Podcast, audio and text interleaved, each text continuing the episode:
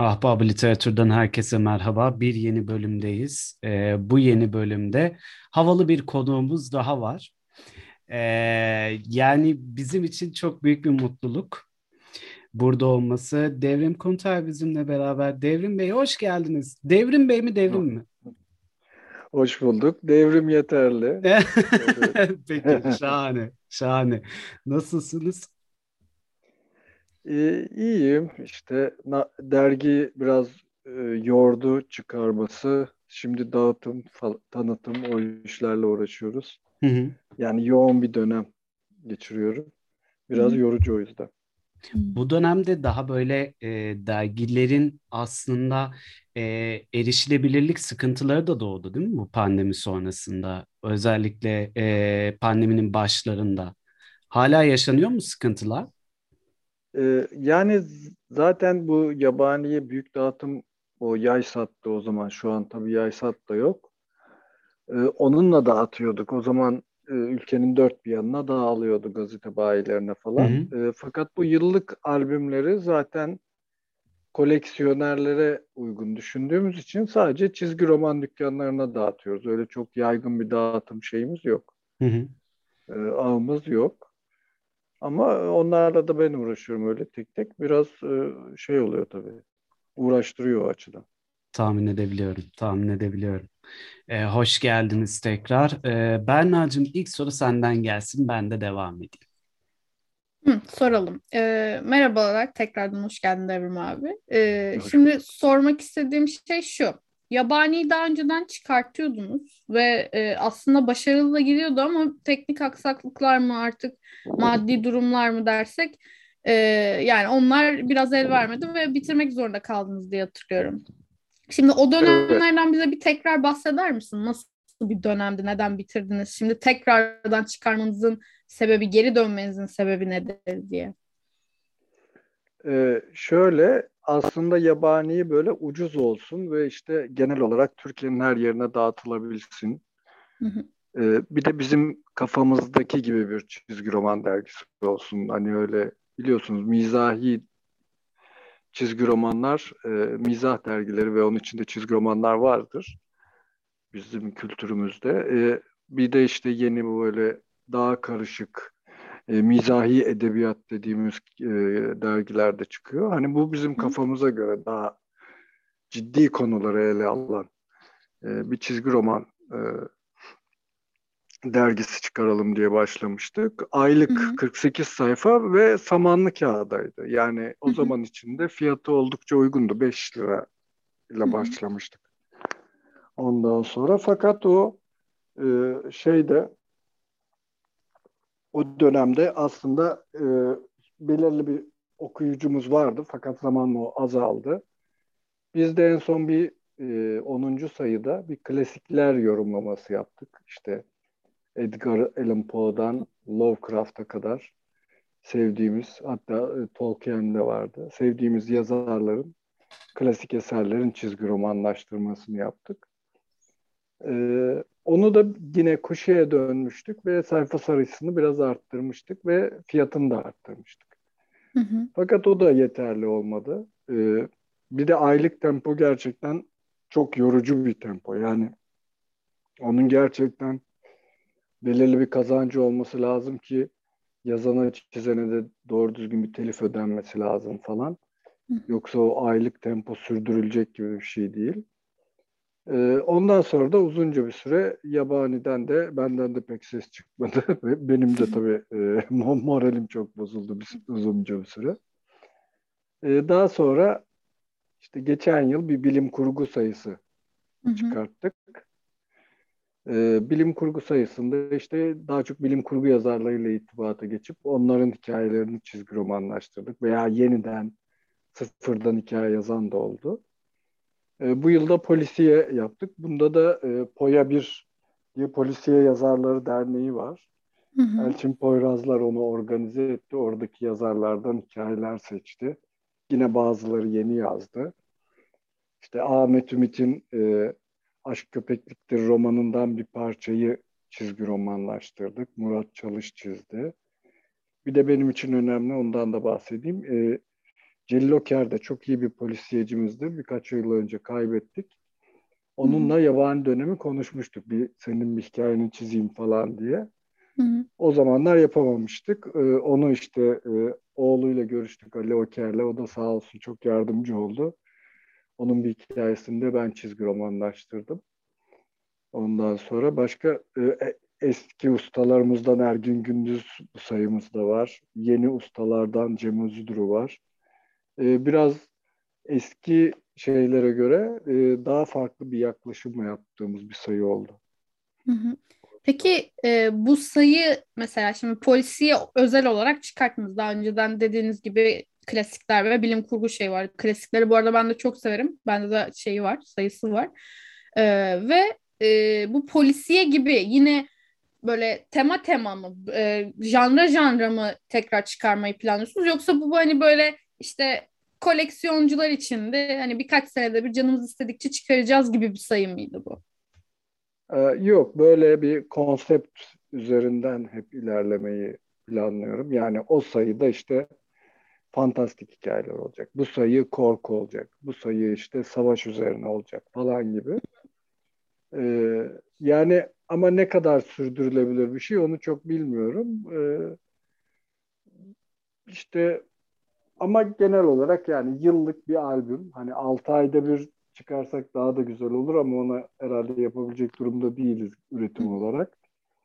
Yıllık bir konsept belirleyip o konsept üzerinden bir albüm çıkarma gibi devam edecek bir süre diye düşünüyorum. Peki e, şeyi sorayım ben biraz daha böyle yabaniden uzaklaşıp genel olarak çizgi roman sektörüyle ilgili sorular sordum. Çünkü e, Türkiye'de çizgi roman denince akla gelen ilk isimlerden biri de sensin Devrim abi. Şimdi bunu da burada konuşalım. Ee, öncelikle şeyi hani mesela yabani denildiği zaman ben yabani birilerine anlattığım zaman ya da birileri bana anlattığı zaman Devrim Kunter'in çizgi romanı işte kendisi de çalışıyor işte böyle böyle bir sayılar çıkarmış vesaire gibisinden konuşuyorlar ve e, akla ilk senin gelmen ve e, senin yönettiğin bir şey olman olması da aslında çok büyük önem e, arz ediyor. Hani bu durumda e, yabani satarken isimlerle mi sattınız? Çünkü senin olman çok önemli ama bir yandan başkalarının da isimleri var ve o isimler de sattırabildi mi? Çünkü çizgi roman dünyası e, Türkiye'de ne kadar gelişti çok önem e, emin değilim. O yüzden onları da biraz anlatmanı isteyeceğim senden. Yani isim sattırıyor mu o konuda çok emin değilim. Mesela Ahmet Ümit'in kitapları çok satar. Hı hı. 100 bin, 200 bin hatta daha fazla sattığı kitapları vardır. Onun da e, Başkomiser Nevzat karakterini e, işte Sinan Gürdağcık iki albüm yapmıştı. Sonrasında Abdülük adıyla bilinen Abdülkadir Elçioğlu yaptı. O çizgi romanlar öyle bu bahsettiğimiz roman satışlarının yanına bile yaklaşamadı. Normal çizgi roman ne kadar satıyorsa o kadar sattı. Yani e, şey olarak hani yazar olarak e, yazarın çizgi romana e, eserine dönmesi o satışı karşılamıyor diye düşünebiliriz bu açıdan. E, birey olarak insanlar dergileri fazla sattırabilir mi veya az sattırabilir mi konusunu çok e, şey diye düşünmüyorum. Yani mesela Yabani'nin 5. sayısında Karabasan'ı kapak yapmıştık. Yıldıray Çınar Hakan Tacal İçeride hikayeyi yazıp çizmişti. Kapağı Mehmet Özen çizmişti. Pardon. Yok. Ee, ondan sonra işte mesela çok heavy metal'e de kapak çizen Aykut Aydoğdu. Daha sonra heavy metal'e çizdi. Bizim 8. sayı kapağımızı çizmişti. Ee, hani şey olarak daha e, görece olarak e, göz alıcı bir kapaktı diyebiliriz. Ama bunlar aslında bizim satış şeylerimizi bir değiştirmedi fazla. Ee, yani aynı baremde gitti. Ee, farklı olmadı. Hani aa Yıldıray Çınar varmış bunu alayım diyen bir ayrı bir büyük kitle yok gibi gözüküyor benim gözüme en azından. Ee, ama bu şey açısından ben hem farklı insanlar hem de işte bu tanım yani Yıldıray'la da ahbaplığım var sonuçta. Ee, yani hem onun olmasını seviyorum hem de Yabani'nin aynı rutin işte hep aynı e, köşelerde aynı insanların çizmesi yerine farklı insanların girip çıkmasını e, dergi için daha cazip e, buluyorum. Bir de bu hatta bu konsept albüm kafasında işte konularla ilgili e, insanları bulmak e, daha da güzel bence. Bir de şöyle bir şey de yapıyoruz. Mesela e, hikayeye uygun çizer bulmaya çalışıyorum ben her zaman. Yabaninin başından beri. E, örneğin bu Algan Sezgin Türedi'nin hikayesi bu sayıdaki. E, biraz mizahi böyle muzik bir hikaye. Ona işte e, Ozan Murat Özfe'nin böyle hafif e, karikatürümsü e, çizimleri iyi eşlik eder dedik. O, o da beğenilen ilginç bir hikaye oldu. Dolayısıyla böyle şeyleri denemeye devam ediyorum ama bunun sebebi hani bu isim olursa dergi çok satardan çok hani e, yabanide bir sürü e, katkısı olan bir sürü insan olsun. O benim daha çok hoşuma gidiyor diyebiliriz. Yani şey için sordum aslında. Genelde çizgi roman oku, okurları ha şunu biri çizmiş, şunu biri yazmış o zaman bu kesin okunur tarzında bakabiliyor, gözüyle bakabiliyor. Hani yeni bir hikaye ama bundan çıkmış. Hmm, o zaman okurum diyor. Çünkü böyle bir algı var ve Türkiye'de de hani o geçerli mi diye sormak istemiştim ama isme bağlı değilse aslında güzel de diyebiliriz. Çünkü yeni kişiler keşfetmek güzel bir şey ol, olsa gerek yani. Ve Türkiye'de çizgi roman sektörünün durumu nasıl mesela? Ee, Algının yani, da nasıl ya... değiştiğini soralım hatta bu arada Devrim abi. Hı, yani hani evet. e, bundan e, işte 20 yıl önceki algıyla şimdiki algı çünkü daha farklı bir genç kitle var. E, hem böyle bir endüstrinin genel durumu e, şey, açısından hem de böyle bir e, şeyin algının okuy okuyucunun gözündeki algının değişimi açısından bir kısa değerlendirme yaparsan çok sağlıklı olur sanki. Ee, yani bilhassa bizim yaptığımız tip çizgi romanların çok fazla şeyi yok, devamı yok Türkiye'de. Mesela 2000'ler dediğin için oradan işte yine Yıldıray'la Hakan'ı söyleyeceğim. Karabasan'ın çıktığı yıllardı. Ee, o bir bence ivme kazandırmıştı yerli üreticilere. Ee, sonra Yıldıray'ın yurt dışında çalışması da birçok çizere e, şevk kaynağı oldu. Tabii. E, ama ondan sonraki 10 yıl falan böyle çok bildiğimiz, e, aklımızda kalan bir çizgi roman yok bu tür. İşte sonra benim e, Seyfettin Efendi çıkardım. O yıllarda e, Selçuk Şehzade Yangınını çıkardı. E, Fırat Yaşan'ın Tepesi vardı. Yani o 2010'lu yıllarda, 2010'lu yılları biraz geçtikten sonra bir tekrar hareketlenme oldu diyebiliriz en azından üreticiler açısından. Ee, o zamanlar şöyle hatırlıyorum ben yayın evlerine falan götürdüğümde e, yerli çizgi roman 300-400 tane satar diyorlardı. Ki e, e, yani o şu an öyle değil. Yani onun neredeyse 10 katına yakın satışlar yapabiliyoruz bazen. Dolayısıyla o 2010 ile bu zaman arası veya 2000 ile bu zaman arası daha fazla bir yerli okur da var diyebiliriz. Ama okurlar ne açıdan bakıyor? Yani işte şöyle diyebilirim. Yeni genç okur geliyor mu derseniz onu tespit etmek pek mümkün değil. Yani belki de işte 10 yıl önce 20 yaşında olan 30 yaşında e, yabani okuyor olabilir. O konuda çok bir fikrim yok işin doğrusu. Anladım. Peki e, şimdi aslında muhtemelen insanların merak ettiği şeylerden biri bu. E, çizgi roman dergileri ya da işte sizin bahsettiğiniz karikatür dergileri normalde aylık ya da haftalık tempoda e, düzende çıkan e, yayınlar ve bu düzenin e, içerisinde e, çizer, yazar birlikte nasıl çalışıp bir aya e, yayabiliyor ve bir ayın sonunda ortaya basılmış bir e, yabani dergi çıkıyor mesela. Onu çok merak ediyorum ben. E, aslında çok da mümkün görünmüyor bakınca böyle. Uzaktan bakınca nasıl oluyor olabilir bu ya? Çok çalışıyor olmaları lazım e, gibi bir algı var. Gerçekten o bir ayın hangi kısmında nasıl bir yoğunlukta çalışıyorsunuz ve ortaya nasıl çıkıyor aslında o çizgi öyküler merak ediyorum. e, aylık çalışırken bizim bir 3 ay falan yani dergi çıkmadan bir 3 sayılık stoğumuz vardı. Aslında o bizi bayağı kurtardı. E, araya tabii başka şeyler aldık, bazısını öteledik falan. E, gerçekten o aylık tempoya herhalde 6. 7. sayıdan sonra düşmeye başladık. O da gerçekten yorucu oluyor. E, ortak çalışmanın ama aslında bir sürü farklı yolu var. Mesela hikayeyi e, sadece yazar hikaye olarak yollayabilir.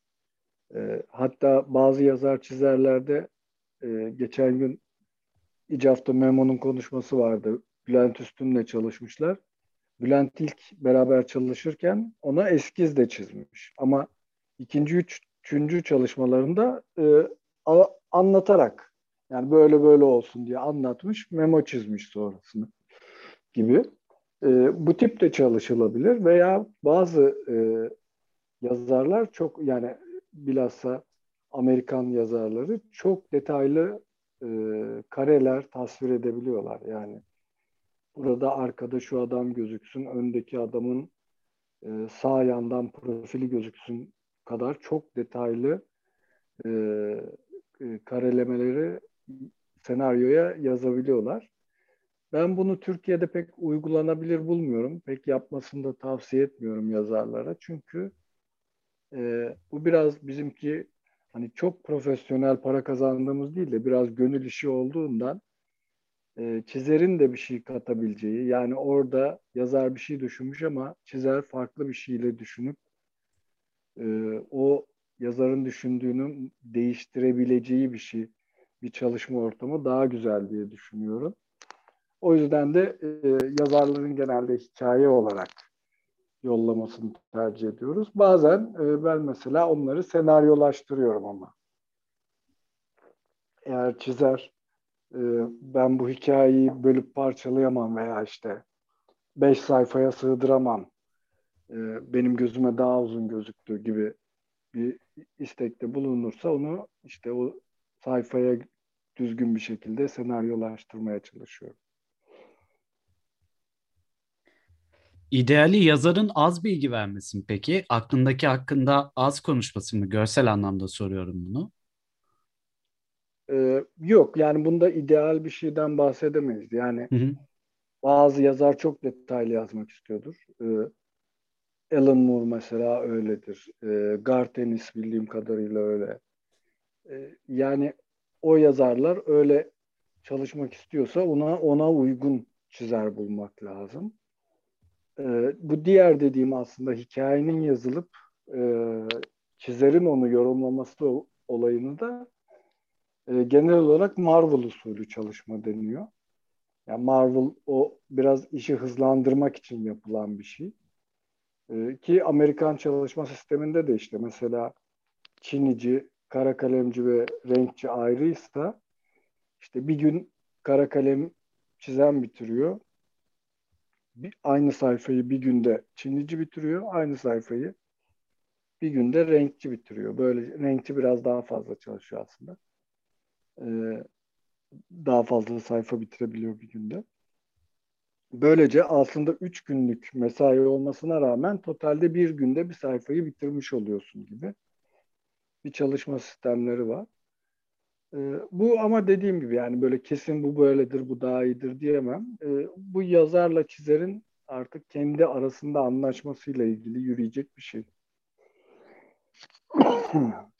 Ben şeyi sormak istiyorum. Ee, şimdi çizgi roman Türkiye'de hani nasıl bakılıyor aşağı yukarı biliyoruz. Çünkü eski oranla şimdi biraz daha okunuyor vesaire ama gelecek bakımından yani önümüzdeki 10 yıldan sonra nasıl bir e, sektöre evrilecek belki iyi belki kötü bilmiyorum ama hani onunla ilgili biraz konuşalım istiyorum. Çünkü geleceği nedir? Gelecek var mıdır? Genç yazar çizerler için hala e, sağlam bir sektör mü? Girmeleri isteyeceği bir sektör mü? Ne kadar e, dolu bir sektör onu bilmek istiyorum biraz da. Yani yerli üretim olarak öyle bir şey pek gözükmüyor işin doğrusu. Hatta demin bahsettiğimiz gibi o e, e, yani büyük mizahi dergilerin de yavaş yavaş kapandığı bir dönemdeyiz. E, matbu yayınlar zaten bir, bir 10 yıla kadar bitecek gibi bir e, düşünce de var. Ki kağıt bulma konusunda bu yıl sıkıntı yaşanıyor. E,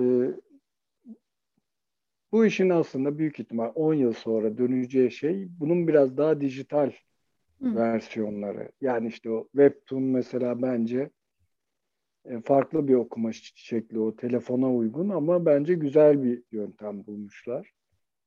Ee, onun gibi bir şey herhalde daha popüler olacak çizgi romandan diye düşünüyorum.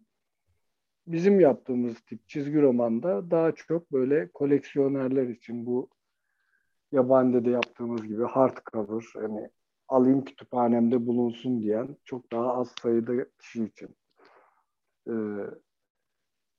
basılı kitaplar olacak diye düşünüyorum. Hmm.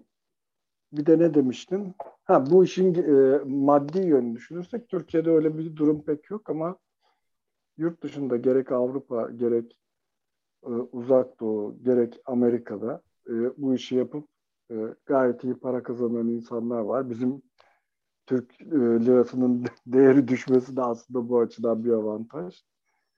Türkiye'de de birçok çizerimiz yurt dışına iş yapıyor. İrili ufaklı yani. Mahmut Asrar'la Yıldıray Çınar'ı herkes biliyordur ama küçük küçük indie firmalara daha ufak ne derler e, işte indie firmalara çalışan birçok e, yerli çizerimiz var. Bu arada şeyi de söyleyelim. Ersin Karabulut'un da Fransızcaya çıktı. E, kendi yazıp çizdiği bir albüm. O da aslında e, yerli çizgi roman için önemli bir adım bence. Çünkü öyle bir şey epeydir, uzun süredir öyle bir şey olmamıştı Türkiye'de. Peki burada e, şimdi benim en sevdiğim soru tiplerinden biri bu. Ben ayda alıştırdım buna Devrim abi. E, şeyi sıfırdan çizgi romanla çok da e, şu ana kadar anlaşamamış e, ya da nereden başlayacağını bilememiş e, ama edebiyatı da seven e, insanlar da bizi dinliyordur diye düşünüyorum. E, onlar için ufak tefek tavsiyelerin Türkiye'den özellikle Türkiye'den olabilir belki ee, ya da hani şuradan başlasalar iyi olur diyebileceğin herhangi bir örneğin e, ya da sıfırdan e, işte yabani gibi dergileri takip etmen çizgi romanla ilgili pek çok şeyi kavramanı sağlar diyebileceğim bir şeyler var mı? E, sıfırdan çizgi romanı bugün eline almak isteyen ya da yarın gidip bir e, gazete dergi bayinden, çizgi roman bayinden çizgi roman almak isteyen, okumaya başlamak isteyen kişiler için. Yani o biraz zor bir soru. Çünkü yani bir, bir sürü insan bir sürü farklı zevki oluyor. Ee, ama herkesin zevkine uygun aslında bir çizgi roman bulunabilir diye de düşünüyorum. Yani şimdi bile düşünün e, sinema çok daha fazla insanın e, insanlar beğenilsin diye uğraşılan daha fazla kafa to- toplan bir şey. Onda bile bir sürü insan beğeniyor, bir sürü insan beğenmiyor. Yani bir herkesin beğendiği bir şey yapmak mümkün değil. Dolayısıyla e, beğendiğiniz e, kitapları veyahut e, filmleri örnek vererekten o çizgi roman dükkanlarına sorarsanız belki size uygun bir çizgi roman tavsiye edebilirler. E, mesela bu konuda şeyler çok iyi. Uzak Doğulu Japon çizgi romanları çok iyi. Her yaş grubuna ayrı e, çizgi roman çıkarıyorlar. Böylece işte mesela çok 6-7 yaşından okumaya başlayıp 30-40 yaşına kadar çizgi roman okuyabiliyorsun. Çünkü e, ne bileyim 30 yaşındayken aslında 15 yaşında okuduğun ve sana keyif veren şey çok zevkli gelmiyor aslında sana. Çünkü derdin başka oluyor, hayata bakışın başka oluyor. Seni onu o zaman çekecek hangi hikayesi onu okumak istiyorsun. Ee, dediğim gibi buna böyle kolay cevap verilecek bir şey değil ama mutlaka herkesin beğeneceği bir çizgi romanda bulunabilir diye düşünüyorum. Yabaniyi kimlere tavsiye ediyorsun peki? Bir de bunu sorayım. Yabaniyi e, e, bu işte konsept olunca artık polisiye sevenlere tavsiye ediyoruz sayısını.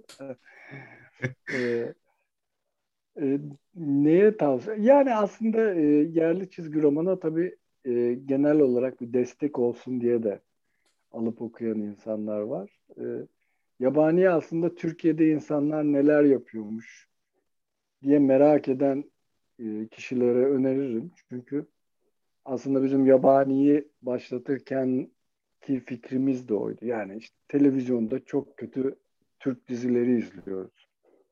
Yani böyle aptalca hiç hoşumuza gitmeyen şeyler. Bunlar aslında e, iyi yazar olmadığı için değil. Yani iyi yazarlarımız var ama onları o konumda e, görmek istemiyor belki televizyon veya o işi yürütenler. E, dolayısıyla yabancı böyle hani e, Türkiye'de de farklı fikirler, farklı şeyler çiziliyor göstermek için yapılmış bir projedir. Ee, Türkiye'de evet ne, ne gibi çizgi roman yapıyorlarmış, nasıl bir şeymiş diye merak edenlere önerebiliriz o açıdan. Ee, ben şeyi sormak istiyorum Devrim abi özellikle. Şimdi e, çizgi romanı anlamak Scott McCloud'un bir kitabı vardı ve ben onu okuduğumda çizgi romanla edebiyat arasında bir bağ kurduğumu daha çok hissetmiştim. O kitap üzerinden giderek şimdi sana bir soru sormak istiyorum. Ee, şöyle bir şey. Şimdi çizgi roman bir edebiyat türü mü değil mi tartışmayacağım tabii ki de. Bence bir edebiyatın parçası.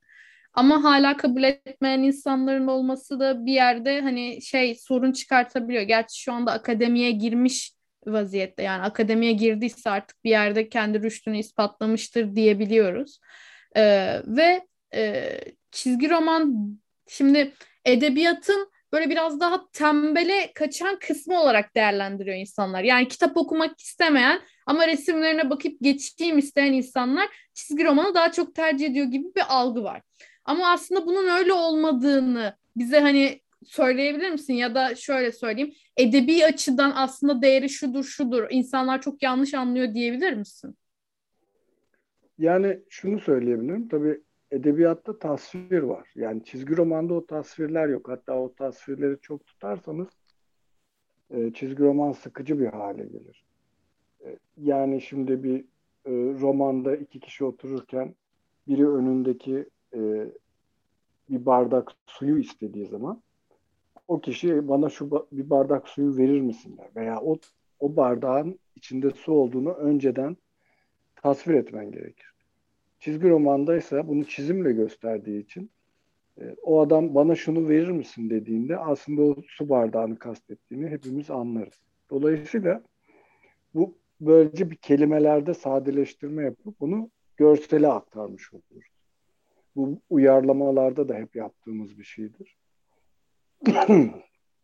Şimdi böyle olunca tabii ki evet daha az yazı okuyorsunuz ama bu daha dikkatsizce veya daha sallapati okuyorsunuz anlamına gelmiyor. Çünkü hikayeyi takip etmek için görselleri takip etmek zorunda kalıyorsunuz.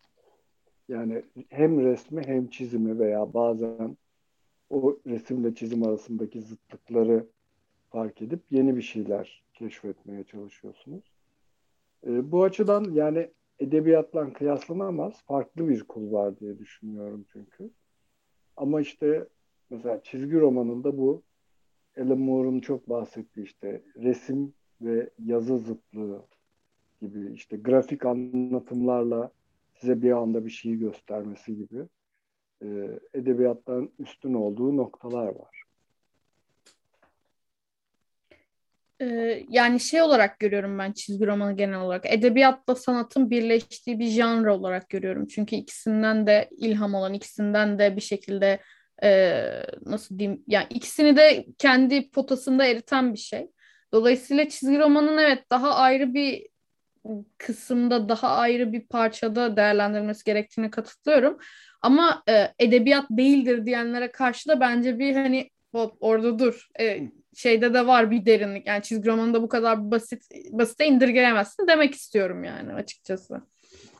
Yani evet şimdi hem çizim hem yazı olduğu için ne edebiyat sayılıyor ne iyi resim sayılıyor. Öyle bir arada derede bir form gibi çizgi roman ama çizgi romanın da kendine has bir dili var. Yani o bütün iyi çizgi roman çok üretiliyor tabii ki ve e, çok bilindik çizgi romanlar o rutin aylık üretilme şeyiyle hızıyla çok böyle cazip, güzel hikayeler anlatamıyor biliyor veyahut bu bahsettiğimiz çizgi romanın inceliklerini kullanamayabiliyor ama nihayetinde e, bu bir sürü çizgi roman içinden bir sürü de çok iyi kaliteli e, hem okurken hem izlerken keyif alacağınız e, çizgi roman üretiliyor. Bizde bir de şey var ya e, bir şey mesela işte edebiyat değilse e, bu kalitesizdir gibi de bir algı var ya. Şimdi çizgi romana edebiyat değildir diyen kitlenin aslında gözündeki temel şey şu. Çizgi roman edebiyat olamayacak kadar işte şöyledir, böyledir falan demeye getirmek aslında birazcık. Orada bir eleştiri de yatıyor. Halbuki değersizleştirmez edebiyat olmaması çizgi romanı. Çünkü arkasındaki hem çalışma nedeniyle hem de ortaya çıkan ürün nedeniyle zaten edebiyat olmasa bile bir sanat eseri saymak zorundasın. Yani e, orada büyük bir problem var galiba. Hani e, hem çizilmiş hem arkasında bir metin barındıran, üstünde de bir metin barındıran bir e, çalışmanın edebi eser olmasına da gerek yok galiba değil mi? E, tabii yani edebi eser olarak bakmayabilirsiniz ama mesela onunla ilgili e, edebiyat alanında Hugo Alan Moore'a ödül vermişti. E, ve o zaman bir tartışma olmuştu. Yani bunu edebiyat alanında veremezsiniz bu çizgi roman falan diye. O yıl vermişlerdi ve sonradan da hani bir daha bu e, kategoriye çizgi roman giremez, girmesin diye çizgi roman için ayrı kategori açtılar. Yani dolayısıyla evet böyle bir noktada hani edebi eser olarak da bakıldığı zamanlar var. Ee, ama şey yani bilmiyorum e, hala o tartışmaların olması da bana biraz garip geldi aslında. Hani biz gençken var da hala olması şaşırttı beni işin doğrusu. Yani ayrı bir sanat dalı olarak e, savunmak lazım diye düşünüyorum. Çünkü evet yani işte tasviri yok, şeyi yok. Çünkü onu çizimle gösteriyorsun. Ee, veya işte ağdalı bir anlatım, betimleme yapmana gerek yok. Çünkü o onları da yine çizimle gösterebiliyorsun veya grafik anlatımla halledebiliyorsun. Dolayısıyla e, evet e, her çizgi roman edebi eserdir diyemeye, demeyebiliriz ama e, işte bu Hugo ödüllerinde de elimizde bir örnek var. E, edebiyat alanında ödül verilmiş biri var yani.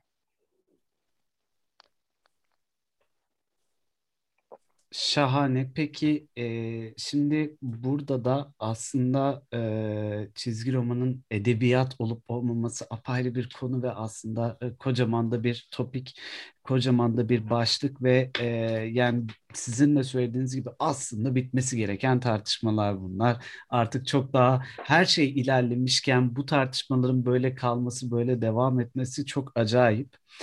Ee, ama şeye geri dönmek istiyorum. Yabani'ye geri dönmek istiyorum. Süremiz de bitmek üzere. Ee, şeyi Yabani'nin bir sonraki sayısı ile ilgili belirlenmiş herhangi bir şey var mı? Ee, şu an için yok. Onu hı hı. yani işte anca bunu yetiştirdik, bastık falan biraz da uzun sürdü. Daha önce Eylül ayında basmayı planlarken işte Ekim'e kadar sarktı. Hı hı. Ee, işte bunların dağıtımıdır falandır filandır bununla uğraşana kadar işte Kasım Aralık gibi ne olacağını konseptini belirleriz. Hı hı.